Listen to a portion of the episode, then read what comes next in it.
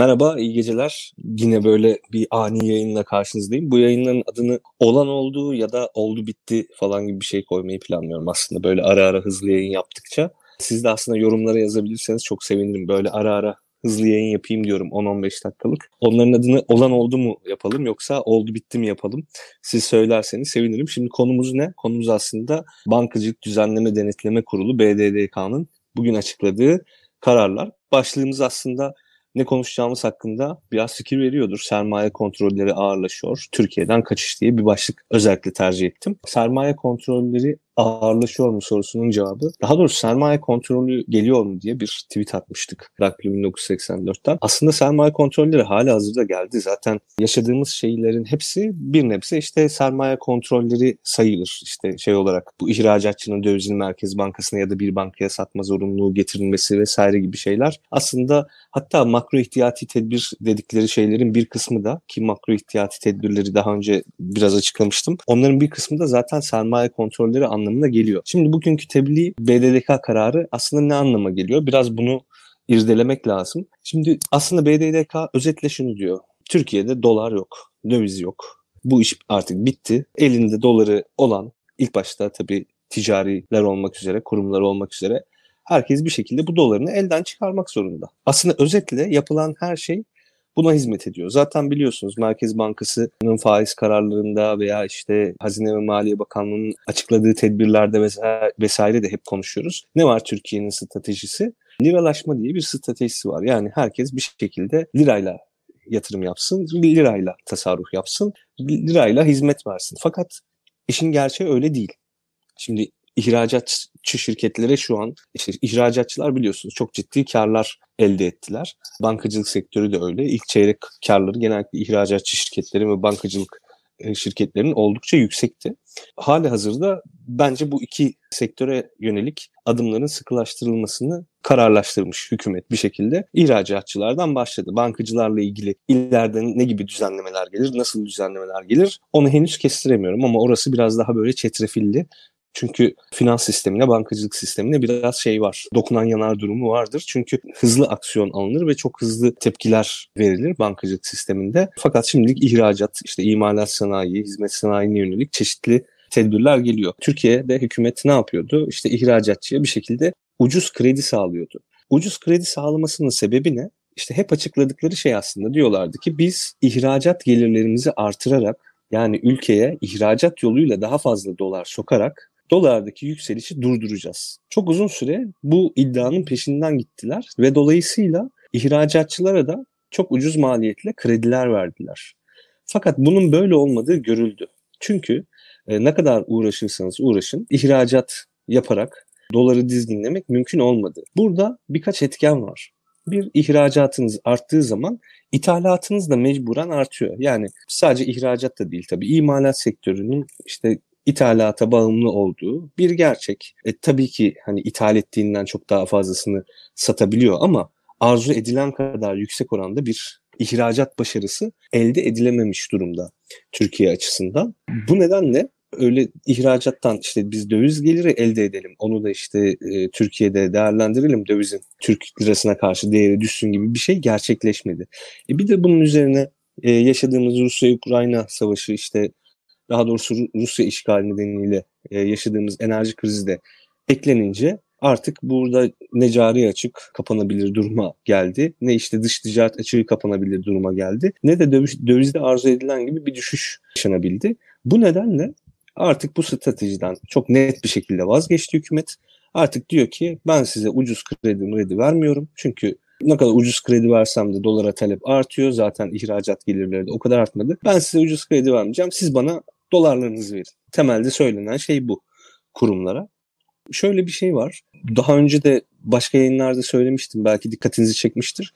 E, Exim Bank diye bir banka var Türkiye'de. İşte ithalat, ihracat yapanların işlerini kolaylaştırmak için kurulmuş bir banka. Bu zaten hatırlarsanız 23'ünde miydi ayın?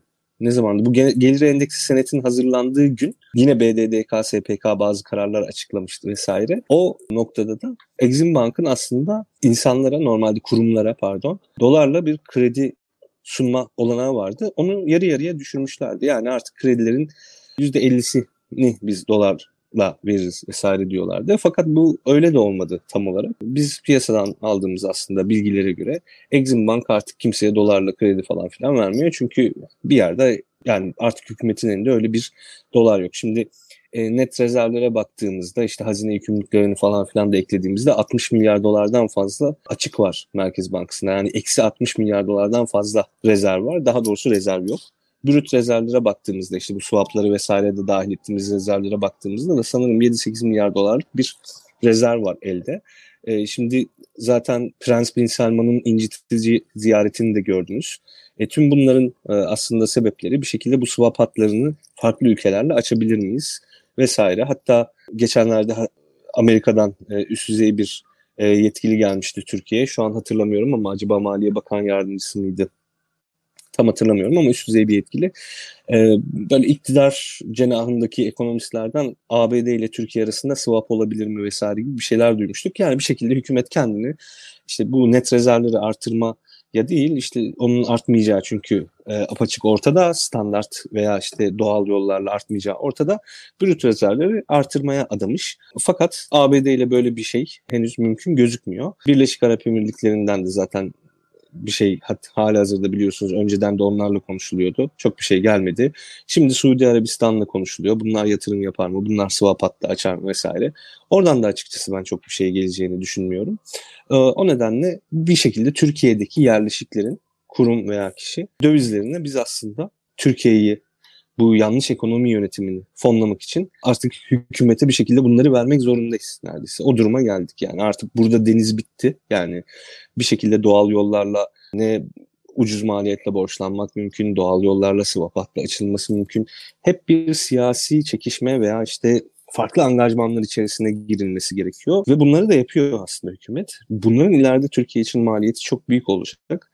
Öte yandan başlığın ikinci kısmına da geleyim ve özellikle onu vurgulamak isterim. Türkiye'den kaçış niye koydum başlığın ikinci kısmını.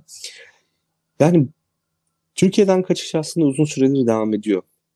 Yani hani bu beyin göçü vesaire falan filan diyoruz ya. Girişimciler varsa aranızda beni dinleyen çok daha iyi anlayacaktır. Eğer bir girişimciyseniz ve bir girişiminiz varsa yatırım aşamasına geldiğinizde yatırımcınızın yerli veya yabancı olması fark etmiyor. Yatırım aşamasına geldiğinizde her zaman yatırımcınızın size sorduğu bir şey var. Şirketiniz Türkiye'de mi?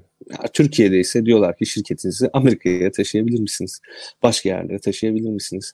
Bunu yatırım yapmanın neredeyse artık ön koşulu haline getirmiş durumdalar.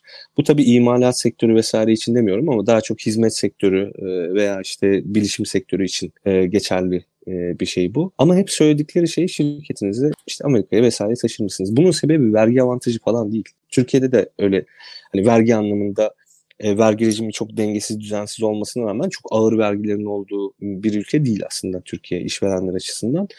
ABD'de de öyle bir vergi avantajı falan filan yok Türkiye için. Ama hep sorulan soru bu siz ABD'ye taşır mısınız? Çünkü burada en önemli şey aslında yatırımcı için en önemli şey öngörülebilirlik. Yani Türkiye öngörülebilir değil ya da işte Türkiye'de bir sürü muhasebesel veya işte maliye e, mali açıdan saçmalıklar var. İşte her şeyi siz tabii işte Türkiye'de denetimler neye göre yapılıyor belli değil. İşte farklı angajmanlarınızdan dolayı sizin başınıza ne geleceği belli değil. Ya da işte ne bileyim yarın bir gün hükümetle bir çalışanınızın ters düşmesi durumunda başınıza ne geleceği belli değil. E, Türkiye'de maalesef yatırım ortamı çok uzun süredir kaybolmuş durumda. Bu hareketler, bu işte doğal olmayan yollardan döviz rezervini şunu bunu artırmaya yönelik hareketler de aslında Türkiye'den kaçışı hızlandırmaya yarayan şeyler. Bu Türkiye'den kaçış dediğim yani insanlar zorunlu olarak kaçıyor. Yani mecburen kaçıyor. İşleriyle birlikte kaçıyor. Çünkü işlerini devam ettirmek artık neredeyse burada mümkün olmamaya başladı. Yani hiçbir girişimci için burası artık avantajlı hale gelmemeye başladı. Halbuki biz 2010'larda ne bileyim İstanbul Finans Merkezi projesi konuşulurken, işte bilişim vadileri projeleri konuşulurken, teknoparklar konuşulurken, bunların kurulması konuşulurken, bunların kurulması aşamasında, mevzuatların oluşturulması aşamasında Türkiye çok avantajlı bir ülke haline gelebilir diye düşünüyorduk. Böyle bir potansiyel de vardı ve o potansiyel hep var ama hiçbir şekilde hayata geçmedi. Tam da bu tarz şey hareketler neticesinde ne derler bu hareketleri artık? Yani öngörülemez diyeyim, güven kaybettirici diyeyim hareketler neticesinde. Onun için başlığın ikinci kısmında Türkiye'den kaçış koydum. Bu kısmı açıkçası benim için önemli. Şimdi bir arkadaşımızın sorusu vardı. Bu e, Suudilerle swap hattının açıklaması anlamına mı geliyor? Anlaşma sağlanamadığı şeklinde yorumlanabilir mi demiş. Yani böyle bir bu açıdan yorumlayamayız bence. Belki de anlaşma sağlandı ama atıyorum 5 milyar dolarlık bir swap anlaşması sağlandı. İşte zaten e, Suudi Arabistan riyali cinsinden bir para olacak. Hükümetimiz sağ olsun ne bulsa satıyor bir şekilde. Riyal miyal de dinlemiyor. Hepsini bir potada koyup eritti. Nasıl işin içinden çıkacaklar onu da bilmiyorum ama bir şekilde zaten bunu yapıyorlar. Fakat swap anlaşması sağlanamadığı şeklinde yorumlanmayabilir. Yani bu hareketleri zaten yapacaklardı. Gürhan Çiftçi CDS 818 olan bir ülkenin Merkez Bankası'na hangi devlet parasını emanet ederse demiş. Evet şimdi bu CDS konusu önemli. Bunu aslında daha önce de konuşmuştuk. CDS'in bu noktada olması aslında neredeyse bir Gürhan'ın dediği gibi iflas noktası. Yani eğer bir şirketiniz varsa CDS'i kurulu olduğunuz ülkedeki CDS bu noktadayken gidin bakayım bir uluslararası bankadan borç almaya çalışın. İşte bir Citibank'ın kapısını çalın, HSBC'nin kapısını çalın. Bir gidin e, bir çalın bakalım acaba adamlar size ne diyor. Yani senin bu borcu ödeyip ödem ödeyememenle artık neredeyse ilgilenmiyorlar bile. Senin ülken neredeyse ilk iflas noktasında kardeşim. Biz seni nasıl değerlendirelim falan diyorlar artık. Yani o noktaya geldik. O nedenle bu konu CDS konusu gerçekten önemli. Bir şey daha vardı, bir soru daha vardı sanırım. Ona da hemen bakalım. Bu arada dolara ne olur diye, dolar ne olacak diye bir gene soru atın, atmıştık ortaya. Arkadaşlar bu hareketlerin hepsi bir şekilde geçici. Yani bunların hepsi ne derler? Böyle bir yaraya pansuman yapmakla ilgili. Yarayı dikmek, orayı tedavi etmekle ilgili bir şey değil bir şekilde kanamayı duruyor. Evet teşekkürler yani kur krizini bir ay daha ötelediniz. Hani bravo yani başka ne işe yarayabilir gerçekten bilmiyorum ama bir ay kur krizini ötelemek için Türkiye'nin önündeki işte potansiyel bilmem kaç milyar dolarlık yatırımını da heba ettiniz mesela. Yani burada hakikaten fırsat maliyeti denen şey ekonomide çok önemlidir. Yaptığınız her şeyin, her etkinin bir de tepkisi olur. Etkinin nereden geldiğini çok net görebiliyoruz ama tepkinin nereden gel geleceğini çok net göremeyebiliriz çoğu zaman. Fakat bu tarz güven kaybettirici hareketlerde tepki hep size para kaybettirecek noktadan gelir. Bu da böyle çok kısa vadede olmasa bile orta uzun vadede sizin, sizin canınızı yakacak bir hale sokarsı sizi. Son olarak chatten bakalım. Bakalım ne var? Şöyle hızlıca birkaç soru bakayım. Evet sorular zaten aslında yani genel itibariyle aynı çerçevede dönüyor. Çoğunu tamamlamışız. Ee, sadece bugün şeyi de vurgulayayım. Twitter'dan bugün de yazmıştım. Bu benim hem içimi acıttı hem böyle komiğime giden bir durum oldu. Bugün Türkiye İhracatçılar Meclisi ile Merkez Bankası toplantı yaptı. O toplantı sırasında veya toplantının hemen sonrasında bu karar açıklandı. Halbuki Türkiye İhracatçılar Meclisi'nin gidip hani yapması ve yapacağı şey ya üzerimizdeki bu ağır yükü kaldırın demekti. Ya onların konuşmasına fırsat vermediler da yani Türkiye İhracatçılar Meclisi'yle ve onların üyeleriyle falan da dalga geçiyorlar. Yani sizle böyle çok önemli bir toplantı yaparken size inanılmaz zarar verecek bir şey açıkladık diye. Tim yönetimi de yeni seçildi. Ee, belki takip edeniniz olmuştur. Türkiye İhracatçılar Meclisi Tim'in yönetimi yeni seçildi. Onların da yeni seçilmiş halleriyle başlarına bunun gelmesi ve buna ilişkin hiçbir önlem alamamaları veya bunu geciktirememeleri veya bunu yumuşatamamaları falan gerçekten onların hanesine eksi yazan e, bir durum olarak karşımıza çıktı. Dolardaki düşüşü dolar satılmış olmasına bağlayabilir miyiz? Bağlayabiliriz. Yani zaten bunu Bakan Nebati de söyledi aslında. Şahap Kavcıoğlu da söyledi. Genellikle böyle cuma akşamı yani piyasalar artık tamamen kapatılmışken yapıyorlar bu hareketleri ki hani insanlar aksiyon alamasın. Bunlar böyle tezgah üstü piyasalardaki gibi doları satsınlar, bilmem ne yapsınlar. İşte kamu bankaları aracılığıyla bir şeyler çevirsinler falan. Biz tabii böyle elimiz kolumuz bağlı bekleyelim. Hiçbir aksiyon alamayalım ki yani dolar alış satış spreadleri şimdi aralıkları çok açık oluyor biliyorsunuz piyasa kapandığında. E, genellikle de küçük yatırımcı dediğimiz yatırımcı tabii ki işte bankadan veya hadi en kötü bir aracı kurumdan bu dolarını alıyor olsun. E, spreadler açık olduğu için ani hamle vesaire yapamıyor genelde yatırımcı. E, bunu bekliyorlar, bunu yapıyorlar. Yani resmen e, vatandaşa tuzak kurmak bu. Bu aslında uzun süredir söylediğim bir şey. Ya eski tweetlerime falan da bakabilirsiniz. Bu bir bence piyasa bozucu eylem. Yani bu hiçbir şekilde ben bunun bir maliye politikası olduğunu, bunun bir para politikası olduğunu, bunun bir önlem e, vesaire olduğunu düşünmüyorum. Ya bu hatırlarsanız gelir endeksi senet açıklamalarının yapıldığı gün gece 3'te falan açıklama yapıyordu artık kamu kurumları. Yani bu artık arkadaşlar yani gece 3'te açıklama falan yapamazsınız ya. Piyasa yok bir şey yok insanlar uyuyor yeter artık yani hakikaten bizim canımız burnumuzda. Yani bir şirketin işte finans biriminde çalıştığınızı, çalıştığınızı düşünsenize. Yani gece 3'te siz bu açıklamayı mı takip edeceksiniz? Sabah işe mi gideceksiniz? Ne olacak? Yani bu şey gibi bir şey. Bu insanların hayatını doğrudan etkileyen şeyler sonuçta. İşte seçimlerin gece 2'de yapılması falan gibi bir şey artık. Yani bu gerçekten çok önemli yani piyasalar için. Yani insanlar için, şirketler için. Bu şirketler şey yapılar değil. Yani bilgisayar yapıları değil. Bu şirketlerde insanlar çalışıyor. Bu şirketlerde e, insanlar emek veriyor onların hayatları işte yaşam standartları vesaireler bu şirketlere bağlı. Yani şirket deyince kurum deyince kafanızda şey canlanmasın yani bina değil. Bunların içinde hepsinin içinde insan var. Yani, yani ya insana hizmet veriyor ya insanlar şey şirkete hizmet veriyor vesaire vesaire. Hepsinin sonuçta bağlantısı ortak noktası insan. Bu gerçekten böyle bir tuzak haline geldi. Ben açıkçası bunların hepsinin piyasa bozucu eylem olduğunu düşünüyorum. Hatta en büyük piyasa bozucu aktörlerin de hükümetin içinde başında ve ortasında ve sonunda ve sağında ve solunda ve altında ve üstünde olduğunu düşünüyorum. Şimdi de kızım geldi. E, zaten söyleyeceğimiz her şeyi aşağı yukarı söylemiş olduk. Böyle kısa bir yayın yapmak istedim. Çok teşekkür ederim beni dinlediğiniz için. Yayını da beğenip paylaşırsanız e, çok sevinirim. Ara ara dediğim gibi böyle küçük küçük yayınlar yapacağım. Mutlaka Dark Club 1984'e abone olun. E, bize Patreon'dan destek verebilirseniz çok sevinirim. Hatta bu aralar Patreon destekçilerimize bir kitap hediyelerimiz vesaire var. Onlara da Patreon sayfamızdan ulaşabilirsiniz ayrıntılara. İyi akşamlar diliyorum herkese. Hoşçakalın.